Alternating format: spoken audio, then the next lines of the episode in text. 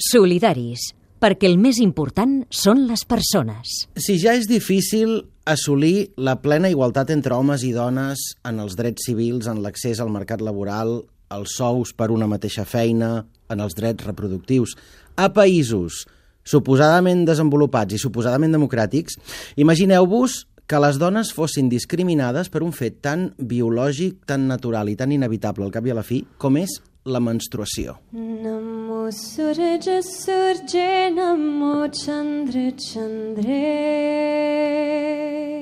Alba Miquel, què tal? Bona tarda. Hola, bona tarda, molt bé. Això passa, oi, avui dia? I tant, i més, de, més del que ens pensem i més del que ens agradaria. On? En concret, on treballem nosaltres, és al Nepal. Al Nepal. Namo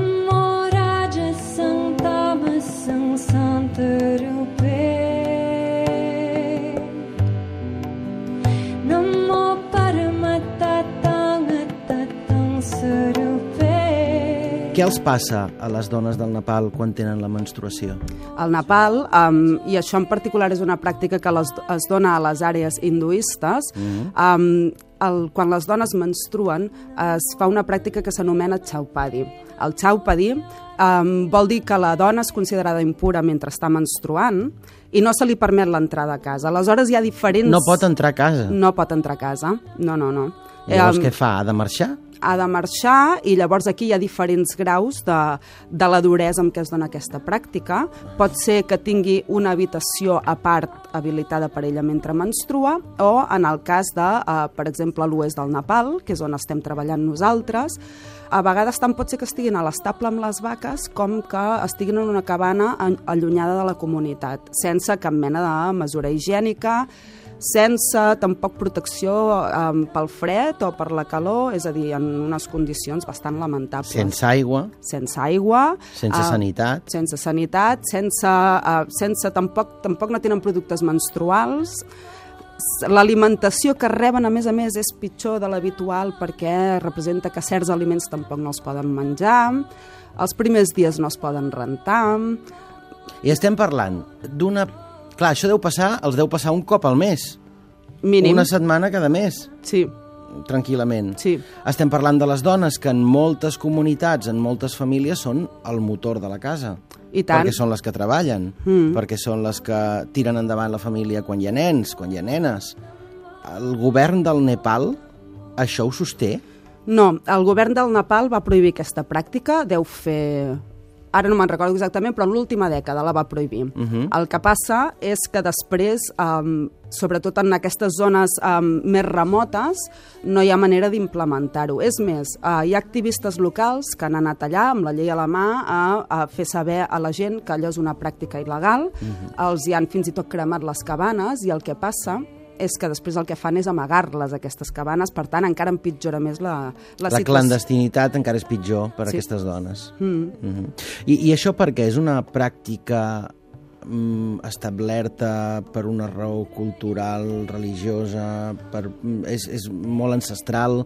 Passa com, i, i que ningú se m'ofengui amb la comparació, perquè segurament no és el mateix, però déu nhi Passa com amb els països on es practica l'ablació, la mutilació genital femenina, que, que eh, s'emmascara en raons religioses, però que en el fons eh, són més, més recents del que ens pensem. Um, sí, um, el, el tema ara mateix no et sé dir realment um, uh -huh. Com, quan, com d'antiga és aquesta pràctica, uh, però sí que és veritat que s'utilitzen motius religiosos per implementar una pràctica que a l'hora de la veritat poc té a veure amb la religió, uh -huh. perquè no a totes les zones hinduistes es practica o no es practica d'aquesta manera, com a mínim. Per tant, vol dir que eh, això passa al Nepal, però és probable que passi en altres regions, eh, per exemple, de la Índia o del, de, de Bangladesh. Uh, per exemple, al nord de la Índia mm. es dona, no és el chaupadi, no s'anomena així, més a més. Mm -hmm. uh, sí que és veritat que, per exemple, a les dones no se'ls hi permet entrar a la cuina, però la duresa de la pràctica, tal com es dona a l'oest del Nepal,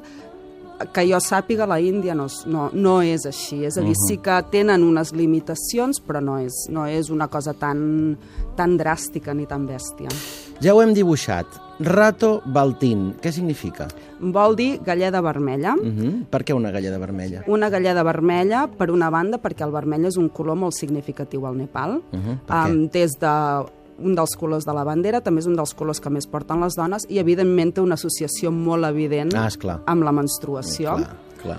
I el tema del cubell, perquè el, amb el projecte Rato Baltin, precisament, eh, que estem portant a, a l'oest del Nepal, una de, les, una de les coses que fem és donar un kit menstrual a les noies i a les dones eh, que es presenten voluntàries i que fan els nostres tallers, que els hi donem dins d'un cubell metàl·lic una copa menstrual, que les copes menstruals ens va donar una empresa que es diu Rubicap, una tovallola, una pastilla de sabó, les instruccions de com utilitzar les copes, que evidentment també se'ls fa formació, i el cubell aquest també els hi serveix tant per portar-ho tot, com per anar a buscar aigua, com per bullir la copa menstrual entre usos per esterilitzar-la. És a dir, d'aquí ve el nom del, del projecte. Uh -huh.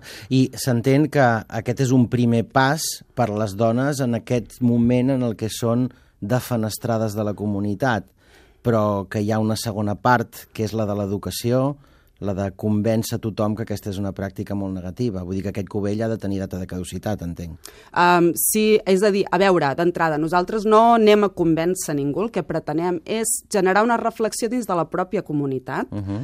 um, sí que, a part d'entregar aquests kits, a part d'explicar com utilitzar, a més a més, amb, amb infermeres voluntàries uh, locals fem formació um, tant pel que és menstrual com, per exemple, a les escoles, tant amb nens com amb nenes, Clar. els hi fem educació sexual perquè entenguin, eh, per, des, per desmitificar també el que és la menstruació, perquè entenguin que és un procés biològic totalment natural. que no té res a veure amb puresa o no puresa. Exactament. I després la Clara, eh, una, una de les cofundadores, eh, ella també porta ja anys fent tallers de fotografia participativa, uh -huh. també els està fent allà, en aquest cas centrats al voltant del tema de la menstruació. Aleshores, el que intentem també és donar-los diferents perspectives que entenguin com la menstruació es viu de maneres diferents en diferents parts del món, com a vegades, per exemple, hi ha tradicions que potser tenen alguna cosa en comú amb el xaupadi, però que estan enfocades d'una altra manera, no? Uh -huh. uh, per exemple, els natius americans, en algunes tribus, tenien el que eren les cabanes vermelles, que les dones també passaven la menstruació dins d'aquestes cabanes, però no era un càstig, no era perquè fossin impures, sinó tot el contrari, perquè es creia Per divinitzar-les. era el moment que estaven més en contacte Clar. amb la divinitat i amb el poder de la creació, uh -huh. i elles estaven en aquestes cabanes per descansar, per cuidar-se i per estar en contacte amb el que és sagrat. I en aquelles societats indígenes matriarcals en els que la dona tenen un gran poder i un gran paper, doncs, eh, evidentment, eh, passa just al revés com de, del que està passant al Nepal. Correcte. I que no és descartable que potser aquesta tradició allà comencés de la mateixa manera. Això ja no ho sé, però... Clar, सुनिए सेद पीर सुरनाथ सुनिए धरत दवले आकाश सुनिए दीप लो पाता सुनिए पोह न सकेगा quan l'Alba parla de nosaltres, quan l'Alba parla de la Clara, es refereix a la Clara García Ortés. Els solidaris connecten en aquests moments en directe amb el Nepal. Clara, què tal? Bona tarda, com estàs? Hola, bona tarda, molt bé. On et trobes exactament en aquest moment? Doncs en aquests moments estic a l'escola de Bassi, d'un poble del districte de Cham, que està a unes 4 hores caminant des del el, el poble més proper. Uh -huh. Respecte de la capital, on et trobes? A veure, el viatge fins aquí va ser com unes 22 hores de Katmandú a Dangari, unes 12 hores més de Dangari a Mangalsen i després unes 4 o 5 hores, eh, bueno, no, unes 2 hores més en jeep i les 4 hores caminant. Ens hem d'imaginar una regió molt, molt, molt remota, eh? Sí, estem totalment, estem pràcticament tocant a la Índia i a, a, a mig de Nepal, diguéssim, i tocant a la Índia, ben bé a la zona oest. És una zona que no té grans muntanyes, són hills, o que diuen aquí són muntanyetes, que van pujant cap a 2.000, baixen, pugen 2.000 i baixen. I és una zona de molt difícil accés. Quan hi vas arribar i fins quan t'hi estaràs? Vam arribar fa uns 7 dies, estem el dissabte, cap al pròxim poble. Uh -huh. Molt bé. Esteu fent ruta, per tant, i fins quan hi us hi estareu? Uh, ens hi estarem fins a final de mes, perquè després del segon poble anirem a Mahendra a parlar amb una escola de- d'infermeria per poder de, de, que ens ajudi. costa una mica d'entendre, eh? Tenim problemes amb la cobertura. Ricard, truqueu una altra vegada, si us plau, a veure si així recuperem millor aquest contacte. Alba, mentrestant, els homes ho han entès? Mira, uh, fins ara teníem una mica... És a dir, el, el que sabíem fins ara i fins i tot abans de, abans de començar a implementar el projecte sí que és veritat que um, teníem homes que ens donaven suport ja d'entrada.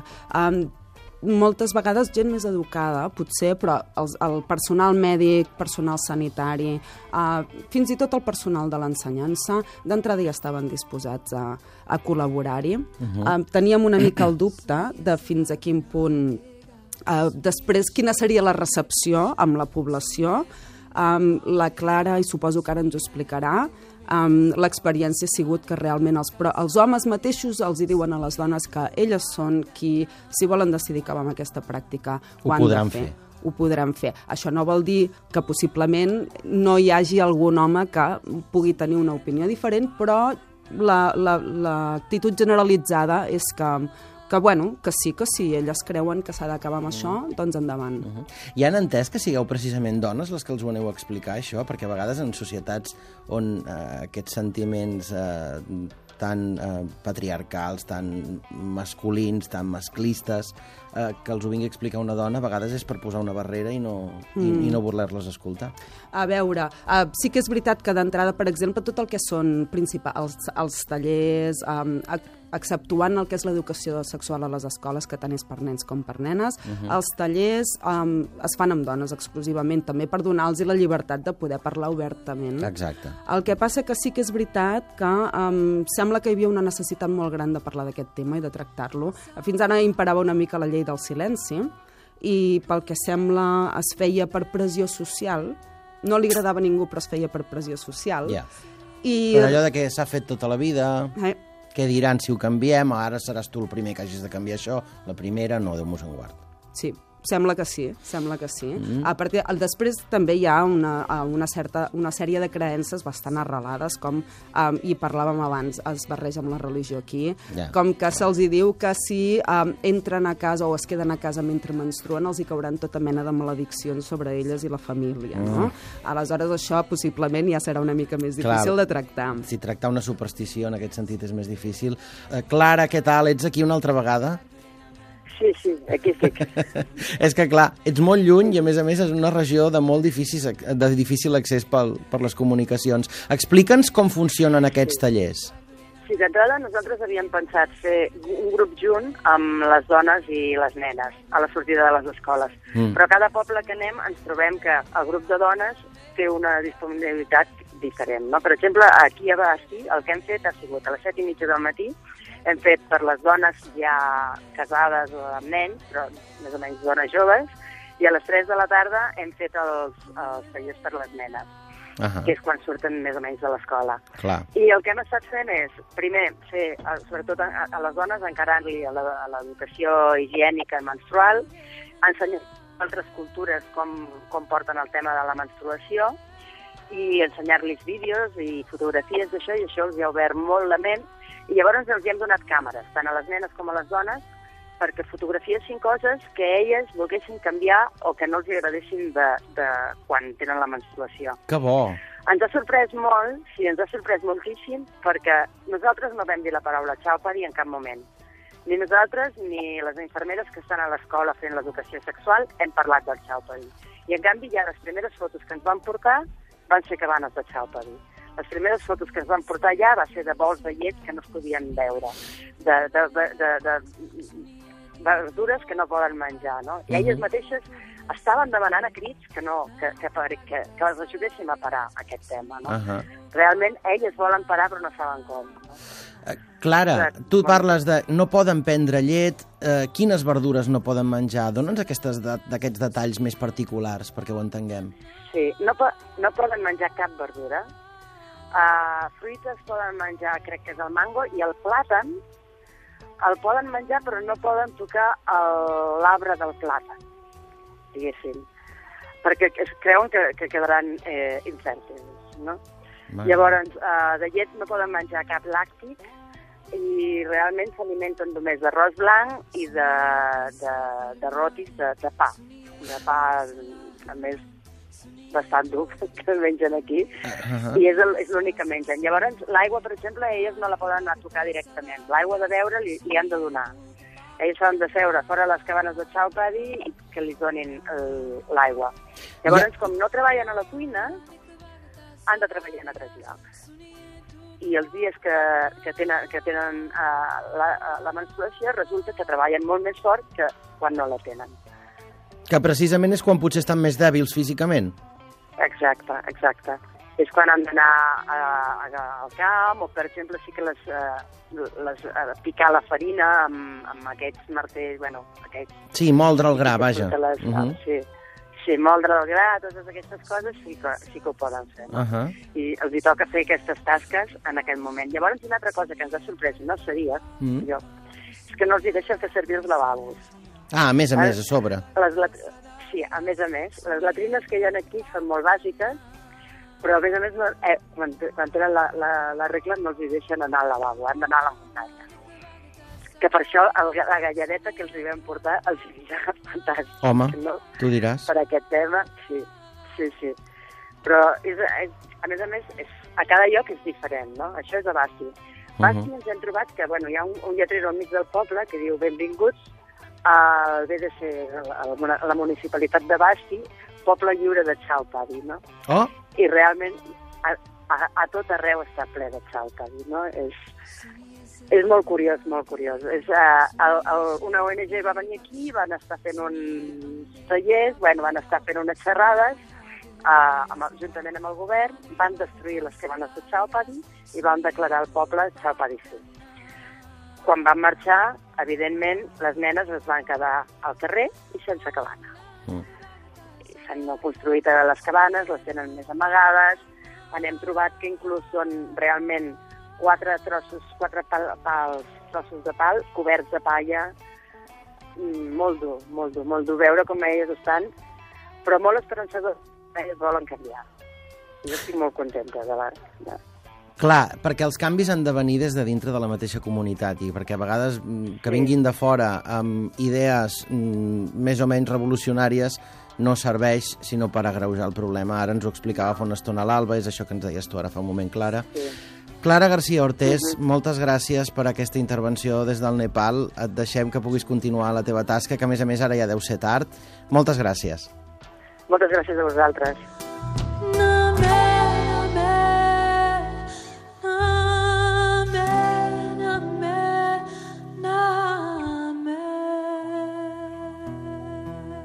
Alba, totes dues, tu i la Clara, sou membres de Be Artsy. Sí. Què és Be Artsy? Biartsi és la, uh, la ONG que hem creat. Uh. -huh. uh, D'entrada, bé, uh, ja feia cert temps que parlàvem doncs, de, de potser uh, crear alguna mena de projecte conjunt. La Clara portava dos anys ja fent aquests tallers de fotografia participativa en diferents comunitats a, a diferents països asiàtics uh, i Bueno, va arribar un moment que la cosa també creixia, però com per intentar buscar una mica de, un, un, un marc no? més enllà de jo faig això i tinc aquesta gent que m'ajuden però que um, no sabem ben bé. I llavors va ser quan um, eh, la Clara va visitar l'oest del Nepal, uh -huh. va descobrir tot el tema del Chaupadi, uh, ens va impactar moltíssim, vam decidir que volíem crear un projecte una mica més organitzat, més amb cara i ulls, uh -huh. i a partir d'aquí, i uh, específicament també, no descarta que després no desenvolupem altres projectes, però d'entrada per fer el Rato Baltin, uh -huh. vam crear um, Biartzi. Uh -huh. um, Biartzi com a organització, al final, en el que utilitzem disciplines artístiques d'una manera o altra, una d'elles és la fotografia, no?, en aquest cas, uh, però amb un, amb un um, amb un objectiu social, amb un objectiu d'aplicar-ho no només per a fer art per l'art en si, que també està molt bé, uh. -huh. sinó per portar-ho a comunitats a qui això els hi pugui fer un servei. La creativitat al servei del desenvolupament. A la Clara no l'hem mantinguda més estona per la dificultat que teníem amb la línia de parlar amb ella, però entenc que aquestes fotografies que ella explicava, aquestes càmeres que van entregar les nenes, eh, més enllà de ser unes simples fotos, són un element per la reflexió, per després poder-ho parlar en el grup, en el taller, etc etc. I tant, i no només això, sinó, um, a veure, aquí també depèn dels mitjans que hi hagi, en principi, entre totes les coses que han de portar a sobre, una d'elles és una impressora, perquè el que es procura sempre que hi ha els mitjans és fer una exposició amb aquestes fotos. Clar. I la idea en aquest cas és fer-la al mig del poble perquè la vegi tota la comunitat. Tothom. Mm. I d'aquesta manera ajudar també això, que ho vegin, la- l'aspecte visual és molt important a vegades també, no? El veure que les dones han fet aquestes fotografies i que no ho vegin només elles, sinó que ho vegi Tothom, tothom. els homes sobretot, a més a més. Sí. I tant. Per tant, es pot fer cooperació a través de les emocions, de la creativitat, de l'art. I tant, i a més a més jo crec que l'emoció és el que més arriba, és a dir, la racionalitat o el, el racionalitzar ens dona una comprensió, però jo crec que el que ens acaba movent a l'acció sempre és l'emoció. Aquesta és molt bona frase perquè sigui al final. Alba Miquel, moltes gràcies. Moltes gràcies a vosaltres. A Facebook, a Twitter i a catradio.cat, solidaris, amb Adrià Bas.